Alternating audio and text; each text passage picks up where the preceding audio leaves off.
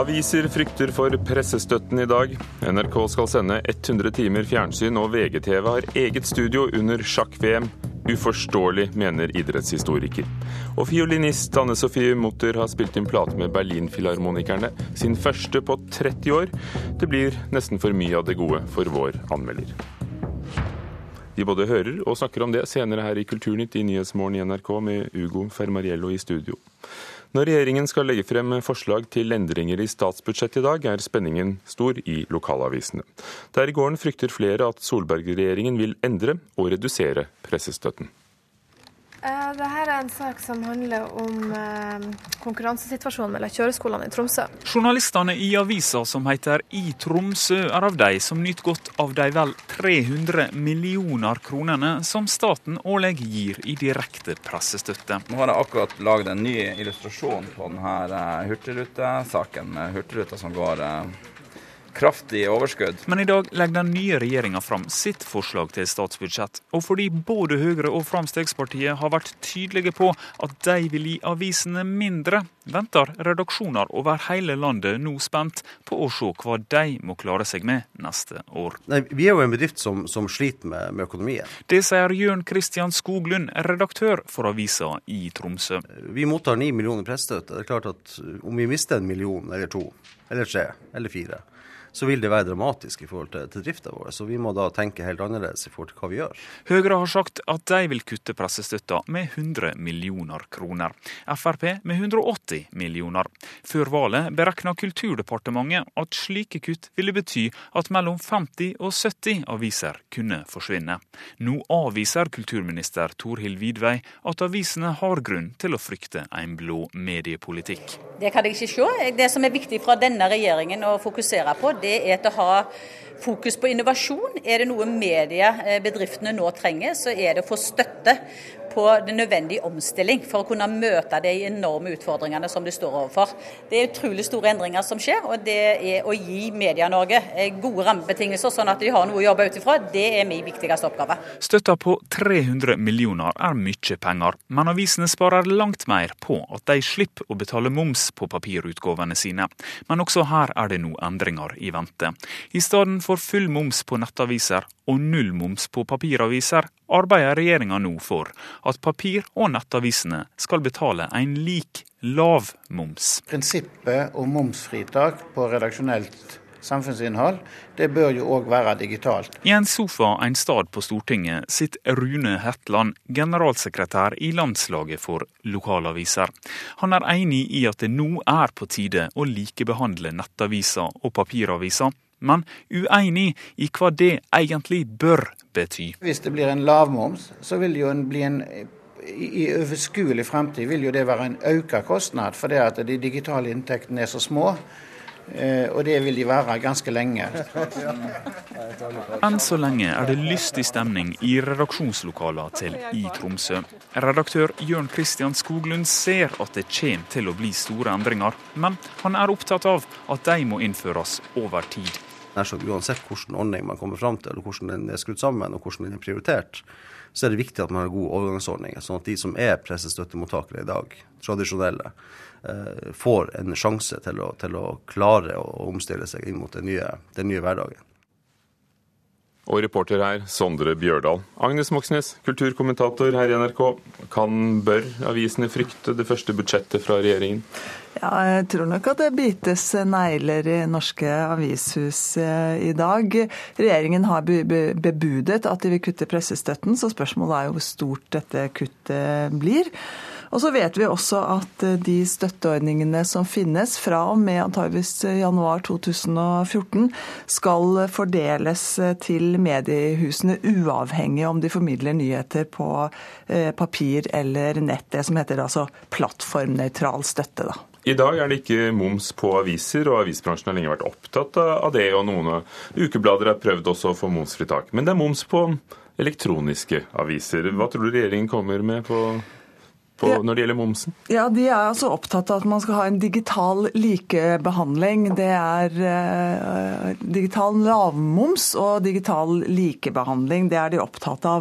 Eh, og eh, utfordringene som ligger her, er jo at man fortsatt ikke vet altså Hensikten med det er jo at man får satsing på den digitale fremtiden, altså fremtidsnyhetsformidlingen.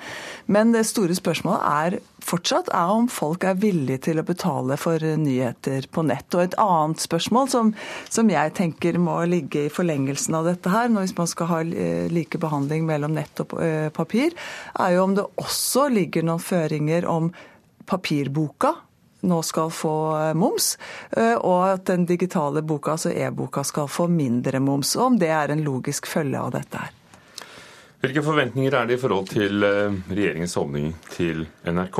Ja, Det bites nok eh, negler her i huset også. Regjeringen har gitt, eh, eller Kulturminister Toril Vidvei har gitt nokså klare signaler om at hun har tenkt å gå NRK etter i sømmene. Og om det betyr også at de flater ut lisensen og kanskje til og med bygger den ned, det kommer jo dagen i dag til å vise hvilken retning det går. De rød-grønne hadde et mål for kulturpolitikken som var konkret. 1% av, 1% av statsbudsjettet. Hva vil skje med den prosenten nå, tror du? Ja, Det er jo det som var så genialt med dette kulturløftet til de rød-grønne. At de satte opp et tall, 1 eh, av statsbudsjettet. Og, og, og, har vel også skapt et inntrykk av at hvis man har 1 eh, så er det god kulturpolitikk. Nå vil vel jeg si at eh, regjeringen må bevise liksom, sine, sine kulturpolitiske ambisjoner ambisjoner på annet vis, men samtidig så gir det et eh, dårlig signal hvis allerede nå eh, pengene renner bort fra Kulturdepartementet og inn i eventuelt andre departement.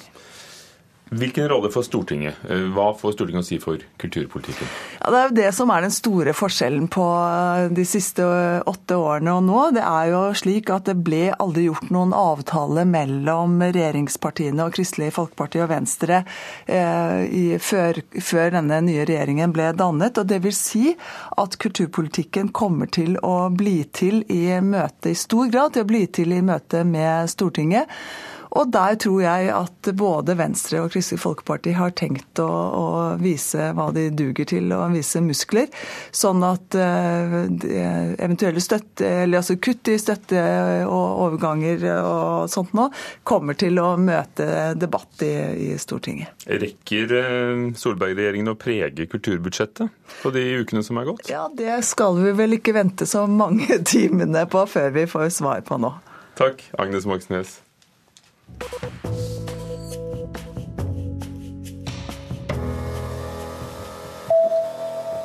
Og nettopp Toril Vidvei, som også er kulturminister, blir Norges siste kirkeminister. Vidvei fikk tittelen kultur- og kirkeminister da kirkesaker ble flyttet tilbake til Kulturdepartementet fra det daværende Fornyings-, administrasjons- og kirkedepartementet. Som Kulturnytt tidligere har fortalt, har Vidvei fått kritikk for statsrådtittelen, men fra nyttår vil kirkedelen av ministertittelen fjernes, for å unngå en kobling nettopp mellom religion og kultur. Dette er eh, noe som skjer, ifølge de opplysningene avisen Vårt Land har fått. Og Twitter fløy rett til værs da selskapet i går gikk på børs. Nettjenesten har en halv milliard brukere og har som mål å ta igjen Facebook. På få timer doblet aksjen nesten utropsprisen, og en Twitter-aksje kostet 45 amerikanske dollar da New York-børsen stengte i går. Dermed økte selskapet verdien sin til 150 milliarder kroner på sin første dag på børs.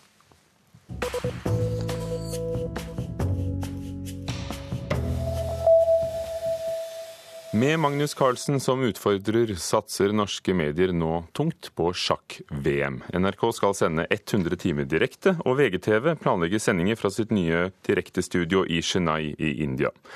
Uforståelig, mener idrettshistoriker Thomas Ganke, som ikke tror sjakk kan fenge sportspublikummet, men NRKs nye sjakkommentator lover spenning.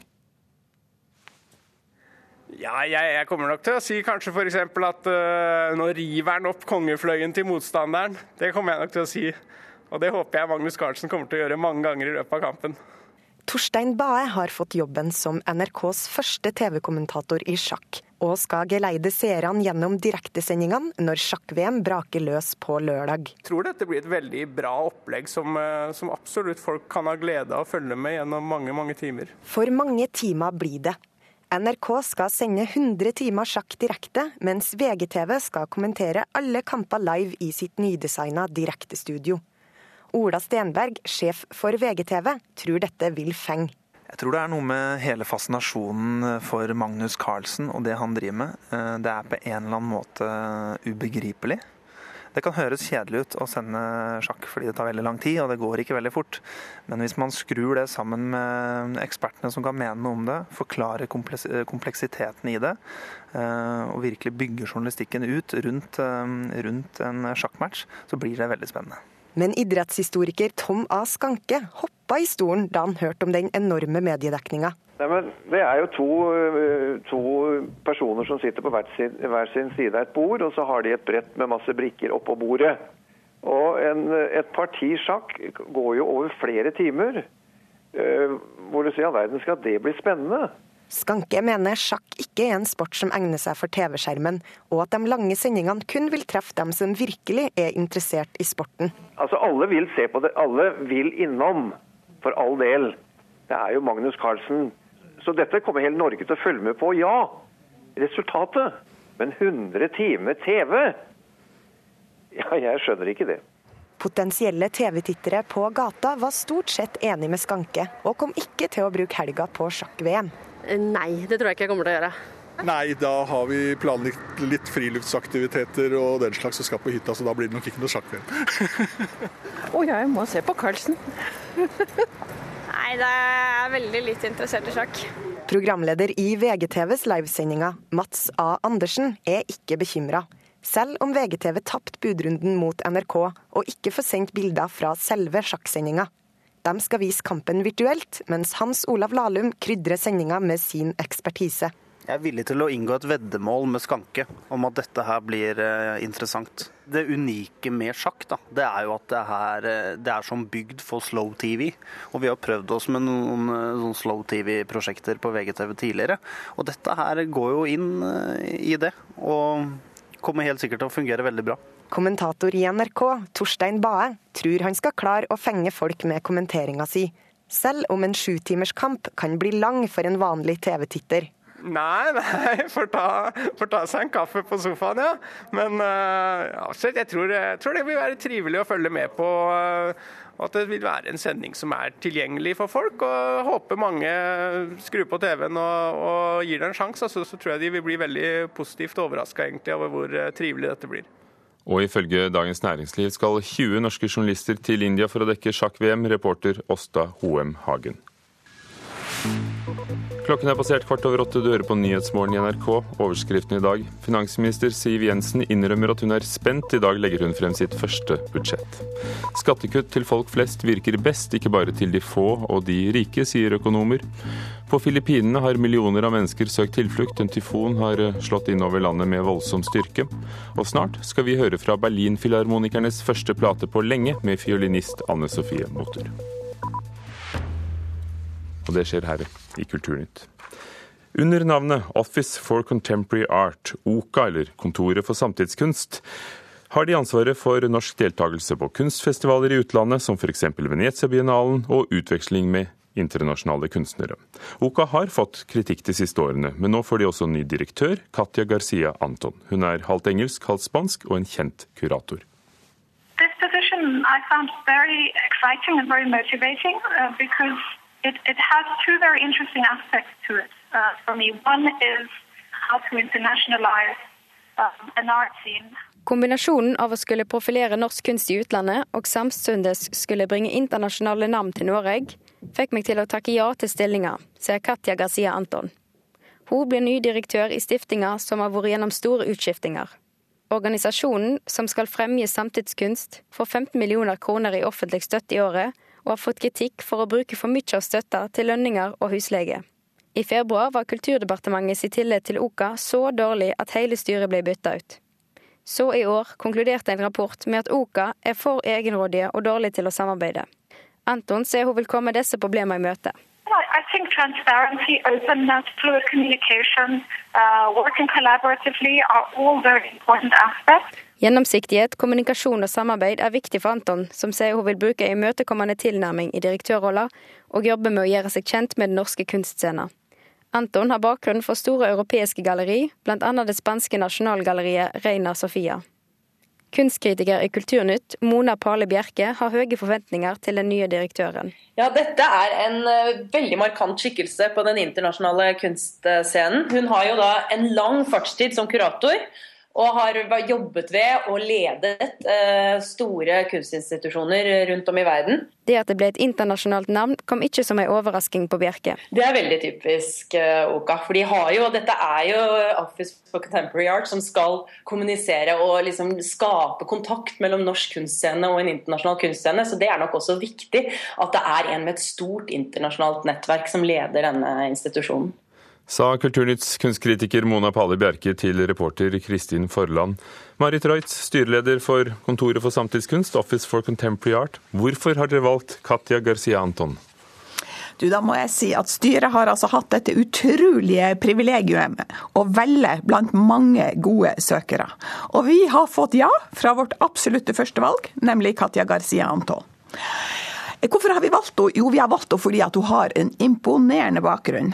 Hun er da en engelsk-spansk kurator og utdanna kunsthistoriker i London. Og Det hun kombinerer, er da den akademiske eksellensen med stor kunstfaglig bredde. Det betyr hun har vært kunstkritiker, hun har publisert, hun har kuratert mer enn 50 utstillinger med både etablerte og yngre lovende kunstnere. Eh, det ble nevnt her i introduksjonen at hun har eh, vært ved store, anerkjente internasjonale kunstinstitusjoner. Den i Madrid ble nevnt. Vi kan nevne Genéve, Sao Paulo, London, Birmingham. Men la meg gi noen konkrete eksempler. Um, men, men, men, før du gjør det, altså samtidig, er, eh, Det er tydelig at CV-en er lang og imponerende. Også vår kunstkritiker synes at det, det, lover veldig bra. Men hun skal jo samtidig lede da en norsk institusjon, en stiftelse, som er i offentlighetens søkelys, som har fått kritikk for pengebruk. Um, det krever vel også en fingerspitzgefühl av en annen type enn nettopp det å ha laget flotte utstillinger? Det krever mange ting. Det krever at du har en solid kunstnerisk bakgrunn som gjør at du får den nødvendige anerkjennelsen nasjonalt og internasjonalt. Eh, det har Katja Garcia eh, Anton. I tillegg så er det helt riktig som du påpeker, eh, at det trengs andre ting. Og det vil jeg òg gjerne få lov til å si litt om. Men la meg først si at hun har altså vært kurator for den spanske representasjonen i Sao Paulo i 2004, kurator for en del av Praha-biennalen i 2005, kurator for den spanske paviljongen under Venezia-biennalen i 2011, f.eks. Så er det sånn at hun har også vært leder. Og hun har vært leder lenge, nemlig ni år. Og det var i Genéve. Det var fra 2002 til 2011 ved eh, Centre d'Art Contemporain, altså en tilsvarende institusjon i Genéve. Det betyr at hun kan feltet, og hun kan det å lede en sånn organisasjon. Så vi har vært opptatt ikke bare av kunsten, men av ledelsesdimensjonen, og det føler vi at vi har fått her. For hvordan hindre at nettopp disse administrative spørsmålene som pengebruk, er det for lukket institusjon, er det riktig at, eh, at hjemmesidene bare er på engelsk og pressemeldingen kommer på engelsk, nettopp disse administrative sidene, hvordan hindre at det kommer i veien for kunsten? Det tror jeg eh, Garcia Anton var, eh, svarte på. Med at vi må kunne kommunisere tydeligere, bedre, være åpnere i vår dialog med både eiere, men også med våre ulike interessenter i Norge og internasjonalt. Noen vil si burde vi ikke hatt en norsk leder? Burde ja. vi det? Eh, mange vil nok si det. Jeg tror ikke mange vil si det lenger eh, når de ser hvem vi har valgt. Men la meg få lov å understreke at vi hadde gode norske søkere som var med helt inn i finalen.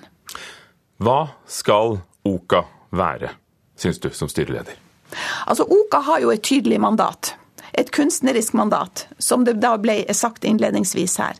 Og det mandatet ivaretar vi eh, på en god måte. Det har ikke vært noe kritikk f.eks. fra Telemarksforskning i det eh, omdømmet til OKA innenfor det kunstneriske. Eh, det er andre områder, dessverre, eh, som kritikken har retta seg mot. Så først og fremst så skal vi fortsette på den gode kunstneriske veien som de to foregående direktørene har lagt opp til. Og nå altså med ny direktør, Katja Garcia Anton. Takk for at du kom. Marit Reutz, styreleder i OKA.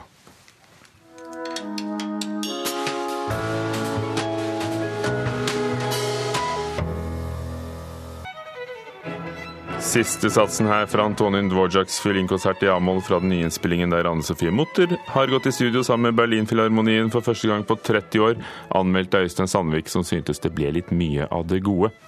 Vi tar med at den norske nyinnspillingen av juleklassikeren 'Reisen til julestjernen' skal vises på kinoer over hele Tyskland før jul. Filmen, som kom i fjor, er solgt til 116 land, og i Tyskland skal filmen vises på over 250 kinoer. Storfilmen 'Kon-Tiki' ble til sammenligning vist i 131 tyske kinosaler, melder VG.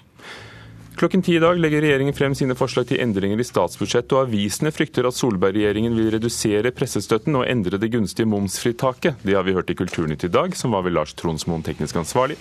Gjermund Jappé, produsent, Ugo Fermerielle programleder. Dette er Nyhetsmorgen i NRK.